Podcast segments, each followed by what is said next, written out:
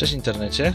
Dzisiaj wszystko się będzie kręcić wokół Księżyca. Nie sądziłem, że od razu w kolejnym tygodniu wrócimy do tego, bo może będą inne tematy, ale sypnęło trochę newsami, więc dzisiaj zajmiemy się naszym naturalnym satelitą, a właściwie nami wracającymi tam. a zatem będzie o programie Artemis. Ja się nazywam Kuba Hajkuś, a to jest podcast To Jakiś Kosmos. Zapraszam.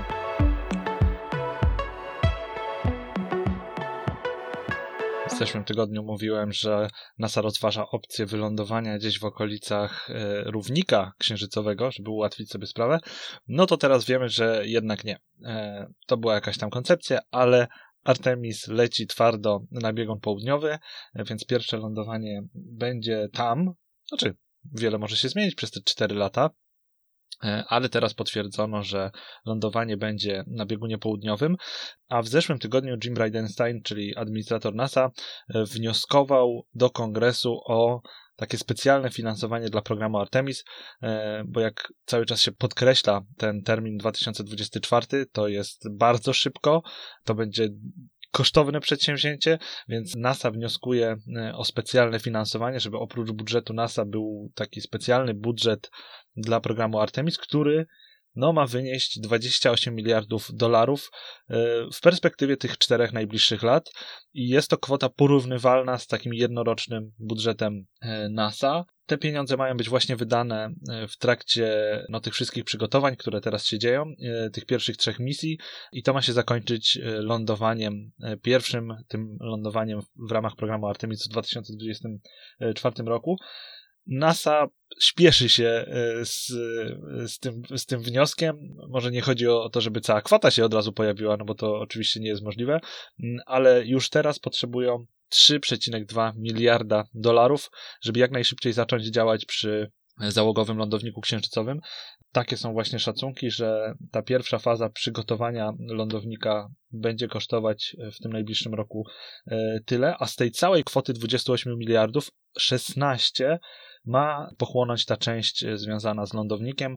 Pozostałe pieniądze e, pójdą jakby na realizację e, reszty, reszty tego programu. No to jest, to jest spory budżet. Kongres to musi teraz zaakceptować, zgodzić się na to, że e, na przestrzeni tych lat takie będzie finansowanie.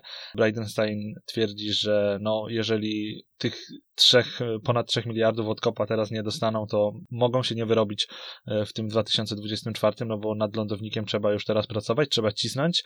No i ogólnie też podkreśla, że jeżeli nie dostaniemy, nie dostaniemy, jeżeli NASA nie dostanie takiego finansowania, to może być, e, to może być kiepsko. Przy czym też e, jakby pod koniec tego swojego, no nie wiem, tej takiej prezentacji, tego przesłuchania przed, przed komisją, powiedział, że no jeżeli się te, te środki nie pojawią, to y, on też ma taką nadzieję, znaczy mo, może nie tak to sformułował, że te firmy, które uczestniczą w budowaniu tego lądownika, że wezmą to na tyle na poważnie, że też ulokują tam swoje środki, że jeżeli to finansowanie nie będzie wystarczające, to liczy na to, znaczy zostawia to do decyzji tych firm, ale e, że no, te firmy mają dowolność i mogą same pracować też nad e, tym lądownikiem i nie muszą koniecznie czekać na finansowanie NASA. No, jest to takie życzenie dość, e, dość odważne, bo jednak to są środki, które mogą przekraczać możliwości no, nawet korporacji, no ale SpaceX na przykład pokazuje, że y, oni sobie Starshipa rozwijają całkowicie na boku za swoje środki. No na pewno mają wielu inwestorów, którzy gdzieś tam ulokowali w tym swoje środki, ale nie są aż tak bardzo zależni w tym temacie od finansowania y, z NASA. I też a propos tego e, lądownika, w zeszłym tygodniu mówiłem, że e, Blue Origin i Dynetics zaprezentowały makiety dla NASA e, tych swoich lądowników, że SpaceX nic tutaj nie zaprezentowało, jak ten przedział załogowy, powiedzmy, miałby wyglądać, ale NASA teraz powiedziało, że wszystkie trzy firmy dostarczyły odpowiednią dokumentację, żeby przejść do kolejnych etapów, więc no tutaj to jest pozytywna informacja, e, więc wszystko nadal się dzieje i SpaceX gdzieś tam w tle e, też te różne rzeczy ogarnia, o których, których no nie widzimy. Bridenstine powiedział, że na początku 2021 roku e, no istnieje taka szansa, że jeżeli to finansowanie będzie takie ograniczone, no to wybiorą tylko jedną firmę do budowy tego lądownika. No dotychczas było tak, że NASA stawiało na co najmniej dwie, żeby tych lądowników, e, no żeby była alternatywa, co najmniej dwa lądowniki, a jeszcze wcześniej w zeszłym roku e, było powiedziane, że no najlepiej, żeby to były cztery firmy, które no, nawzajem uzupełniałyby się możliwością lądowania na Księżycu. No zobaczymy jak będzie. No, mam nadzieję, że to będą co najmniej dwie firmy, bo to by zabezpieczyło ten, ten program. No na, na pewno byłoby to lepsze niż, niż poleganie tylko na jednym dostawcy. Mm, a ze świata w ramach programu Artemis też przyszedł bardzo pozytywny news, bo Japonia zaangażowała się w program. Tamtejszy rząd e, wnioskuje, znaczy tamtejsza agencja kosmiczna wnioskuje do swojego rządu o finansowanie 760 milionów dolarów. To oczywiście wnioskują w jenach, e, nie wiem, tam 80 miliardów jenów e, wnioskują o specjalne finansowanie swojej agencji kosmicznej na najbliższy rok, żeby zaangażować się we, we wspólny z Amerykanami powrót na Księżyc, żeby e, Japonia miała swój silny udział w mm, programie Artemis. Przy czym to też nie jest tak, że oni chcą te pieniądze wziąć i zapłacić Amerykanom, żeby Amerykanie wszystko ogarniali i potem, nie wiem, Japończycy się z nimi zabiorą. Nie, to jest e, finansowanie na zasadzie, e, że Japonia weźmie na siebie część prac związanych właśnie z tym powrotem. Mm, chodzi o budowanie e, lądowników bezzałogowych, żeby dostarczać cargo na powierzchnię Księżyca. No i też statków towarowych, które z Ziemi będą lecieć w stronę Księżyca i dokować do stacji Gateway. I podobne zaangażowanie, przy czym tutaj to jest na razie mm, jeszcze nic pewnego, wyrazili Włosi że włoska e, agencja kosmiczna będzie wnioskować do swojego rządu o miliard euro na właśnie podobne działania, e, że Włosi e, zaangażują się w budowę gatewaya, tej stacji wokół księżycowej, systemy komunikacji z Ziemią i w taki sposób też chcą wziąć na siebie część no, część tego programu Artemis.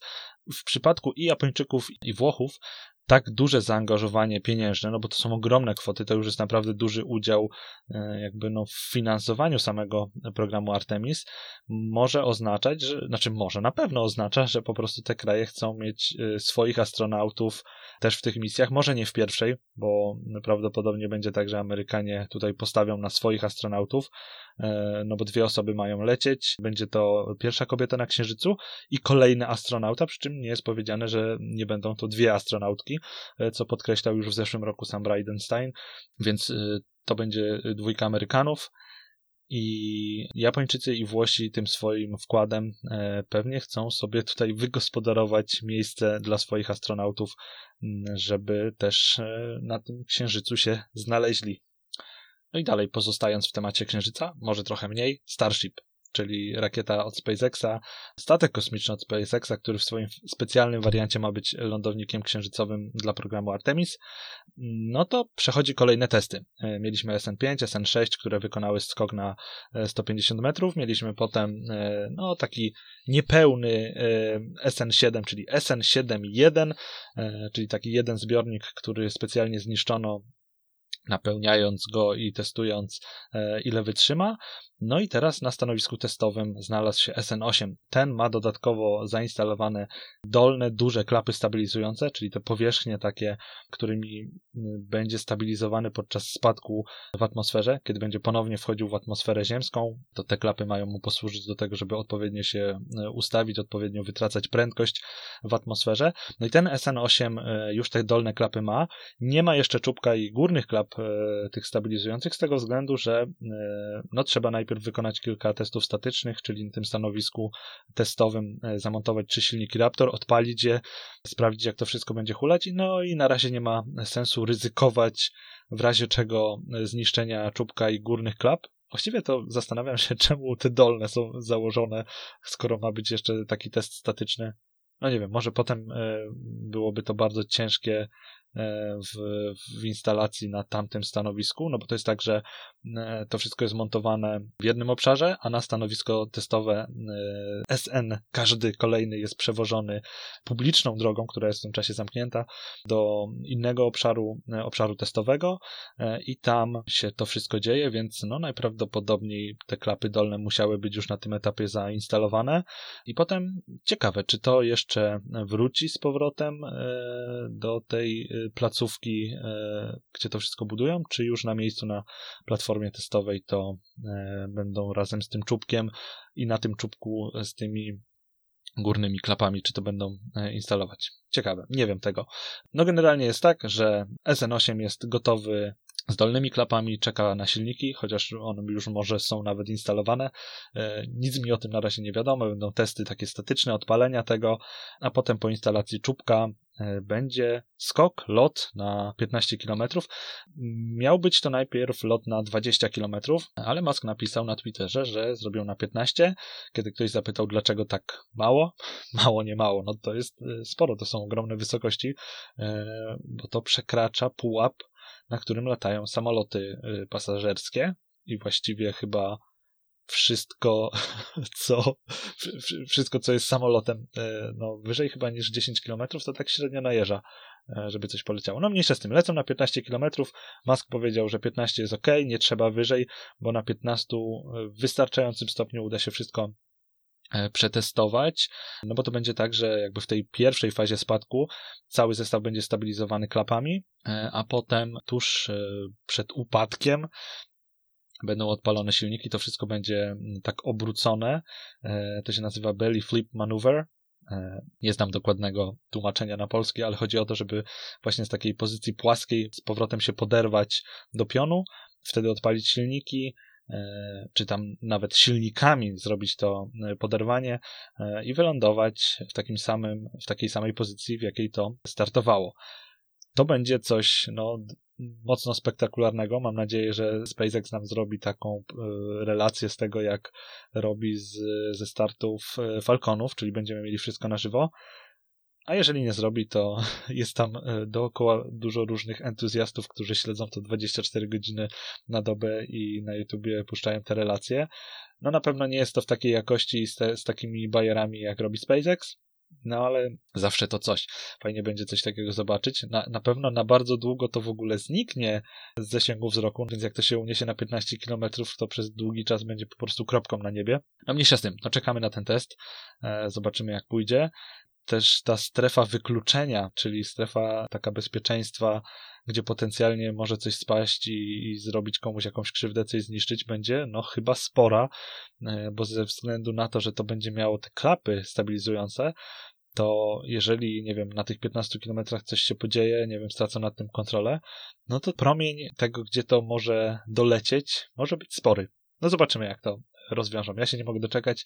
E, to będzie naprawdę fajny test. E, a też w temacie tych klap, to rok temu na prezentacji tej takiej pierwszej, kiedy jeszcze nie było mówione o tym, że Starshipy będą miały, będą oznaczane SN, tylko był Mark 1, to w jednym z wywiadów Elon Musk mówił, że obecnie, czyli wtedy, te klapy będą, e, był taki plan, że, żeby były stabilizowane hydraulicznie, czyli e, no, jakimś tam płynem, jakimś olejem hydraulika była napędzana e, i to było wtedy chyba tak zrobione, że były te baterie z Tesli, które zasilały silniki elektryczne chyba też z Tesli e, i one służyły jako pompy właśnie tego oleju, a już wtedy Musk mówił, że on to najchętniej by to wszystko uprościł w taki sposób, żeby przy użyciu jakiejś przekładni sterować tymi klapami bezpośrednio elektrycznie, e, żeby tak to działało. I właśnie ostatnio na Twitterze powiedział, że ten SN8, czyli właściwie pierwszy egzemplarz, który ma polecieć, no to już ma taką funkcjonalność, więc jest to uproszczone, to nie będzie w żaden sposób tak hydraulicznie e, sterowane, e, tylko bezpośrednio z silnika elektrycznego za pomocą jakiejś przekładni. Ciekawe, jak, jak to zda egzamin, bo oba rozwiązania, i hydrauliczne, i takie bezpośrednio elektry, elektromechaniczne, mają swoje wady i zalety. Ale najwyraźniej tutaj to sobie poradzi. E, no na tych klapach będą, na te klapy będzie, będą oddziaływać ogromne, ogromne siły, bo to będzie wielka rura spadająca z kilkunastu kilometrów, no dość spora masa, chociaż czy to będzie dość spora masa, kiedy to nie jest zatankowane, to to nie są jakieś tam setki ton. Zobaczymy, zobaczymy. No, na pewno to nie jest coś, z czym jakiś prosty system mógłby sobie poradzić, tylko trzeba to tam dobrze rozkminić, żeby te wszystkie naprężenia, ten system, te klapy potrafiły wytrzymać. Zobaczymy. No, ten test jest już e, na dniach. No i też przy okazji SpaceX pokazało, pochwaliło się na Twitterze testem e, silnika Raptor w wersji próżniowej. I to jest też dziwne, bo po prostu, znaczy po prostu, no wrzucili film, gdzie ten Raptor jest odpalony, jest ustawiony w poziomie i ma test statyczny, e, pracuje, wszystko jest ok. No i jak się tak totalnie nic o tym nie wie, no to fajnie, nie? No działa silnik. Ale to jest Raptor w wariancie próżniowym, czyli w takim wariancie, gdzie ma działać w próżni kosmicznej i ta dysza jest do tego przystosowana, a te dysze takie kosmiczne bardzo źle sobie radzą w ziemskiej atmosferze, czyli przy gruncie, kiedy no, to ciśnienie jest no takie dla nas standardowe, ale dla tej dyszy mm, bardzo destrukcyjne, kiedy pracuje silnik, no a ten Raptor sobie tam hulał i wszystko ok. Nie było jakby żadnych innych takich rozwiązań tam, które miałyby go zabezpieczyć, bo gdzieś w jakimś podcaście słyszałem, że właśnie te silniki próżniowe wsuwa się w rurę, żeby działający silnik powodował zasysanie powietrza z, tak jakby z nad siebie i w taki sposób y, wytwarzał trochę takiej próżni w tej, y, a, a przynajmniej bardzo obniżał ciśnienie y, wewnątrz tej rury i dzięki temu ta dysza może zachowywać się w miarę stabilnie. No to w tym Raptorze nic takiego nie było. Oni to po prostu odpalili i to hulało. Chyba, że może z jakimiś specjalnymi parametrami, nie wiem, może ten ciąg był tam niższy, wyglądało to fajnie, jak normalnie działający silnik, ale może jego parametry były jakoś specjalnie tak dobrane, żeby to działało e, odpowiednio, tak nie, nie, nie zostało zniszczone w ziemskiej atmosferze, albo po prostu ten Raptor to jest taki wytrzymały skurczybyk, że dla niego działanie w atmosferze no to jest po prostu no, normalna rzecz.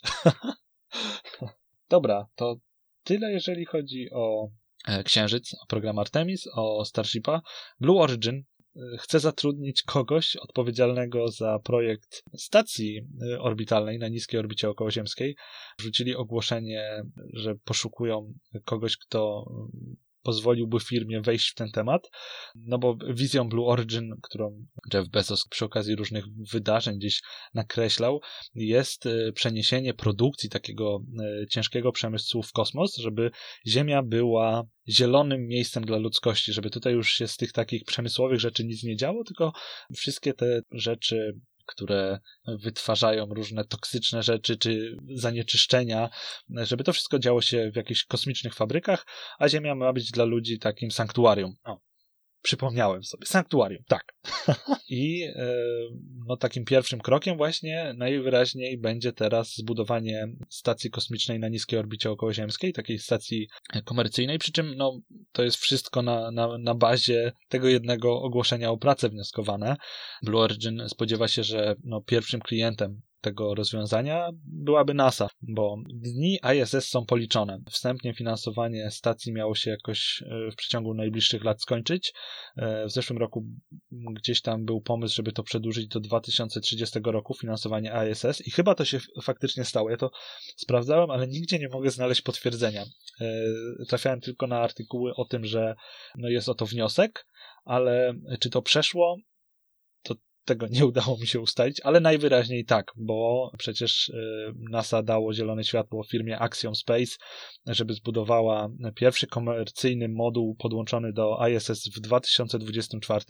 No i z czasem do tego modułu będą dołączane kolejne, aż w pewnym momencie te moduły Axioma będą na tyle samodzielne, że będą mogły się od ISS oddzielić i stworzyć y, no, komercyjną, osobną stację kołoziemską. E, no i wtedy dopiero e, to ISS będzie zdeorbitowane, więc no jeżeli pierwszy moduł ma być w 2024, no to raczej niemożliwe jest, żeby oni cisnęli, nie wiem, w przeciągu roku, dwóch to wszystko zmontowali, żeby to było gotowe, e, więc no pewnie ten 2030 rok to rzeczywiście jest takie minimum, do kiedy ISS rzeczywiście będzie funkcjonować. Właśnie, a też a propos Axioma. Rana, ale skaczę, po, skaczę strasznie po tematach. Dobra, Blue Origin ma w planach zrobić w latach dwudziestych e, swoją stację komercyjną okołoziemską. Axiom ma już od NASA zielone światło i pierwszy moduł jest projektowany. Właściwie chyba Thales projektuje dla Axioma pierwszy moduł tej ich stacji kosmicznej i Axiom w przyszłym roku, chyba pod koniec przyszłego, czy już w 2022, wyślę Toma Cruza razem z reżyserem y, kapsułą Dragon na Międzynarodową Stację Kosmiczną, e, gdzie będą kręcić film.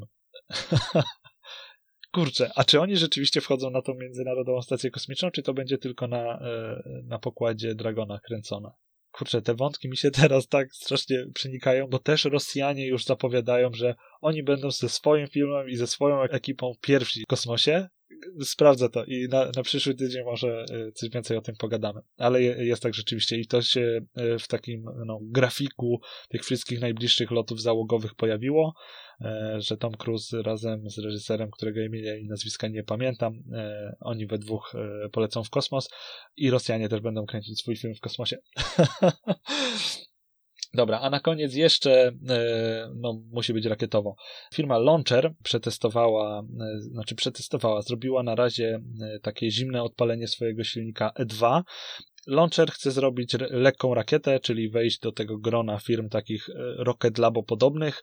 No jeszcze przed nimi sporo, bo dwa lata temu chyba mieli już gotowy silnik E1, wydrukowany cały na drukarce 3D. Odpalali go, e, tam to hulało, ale najwyraźniej nie było to urządzenie wystarczające do ich potrzeb, żeby e, tę ich rakietę, której nazwa to jest chyba po prostu Rocket, żeby napędzić tę rakietę, więc opracowali kolejny silnik, większy, nazywa się E2 i e, w Stenis jest ten silnik testowany, e, jest już na stanowisku testowym, miał zimne odpalenie, czyli po prostu przez instalację rozhulany azot e, żeby sprawdzić, czy te wszystkie układy tam reagują odpowiednio.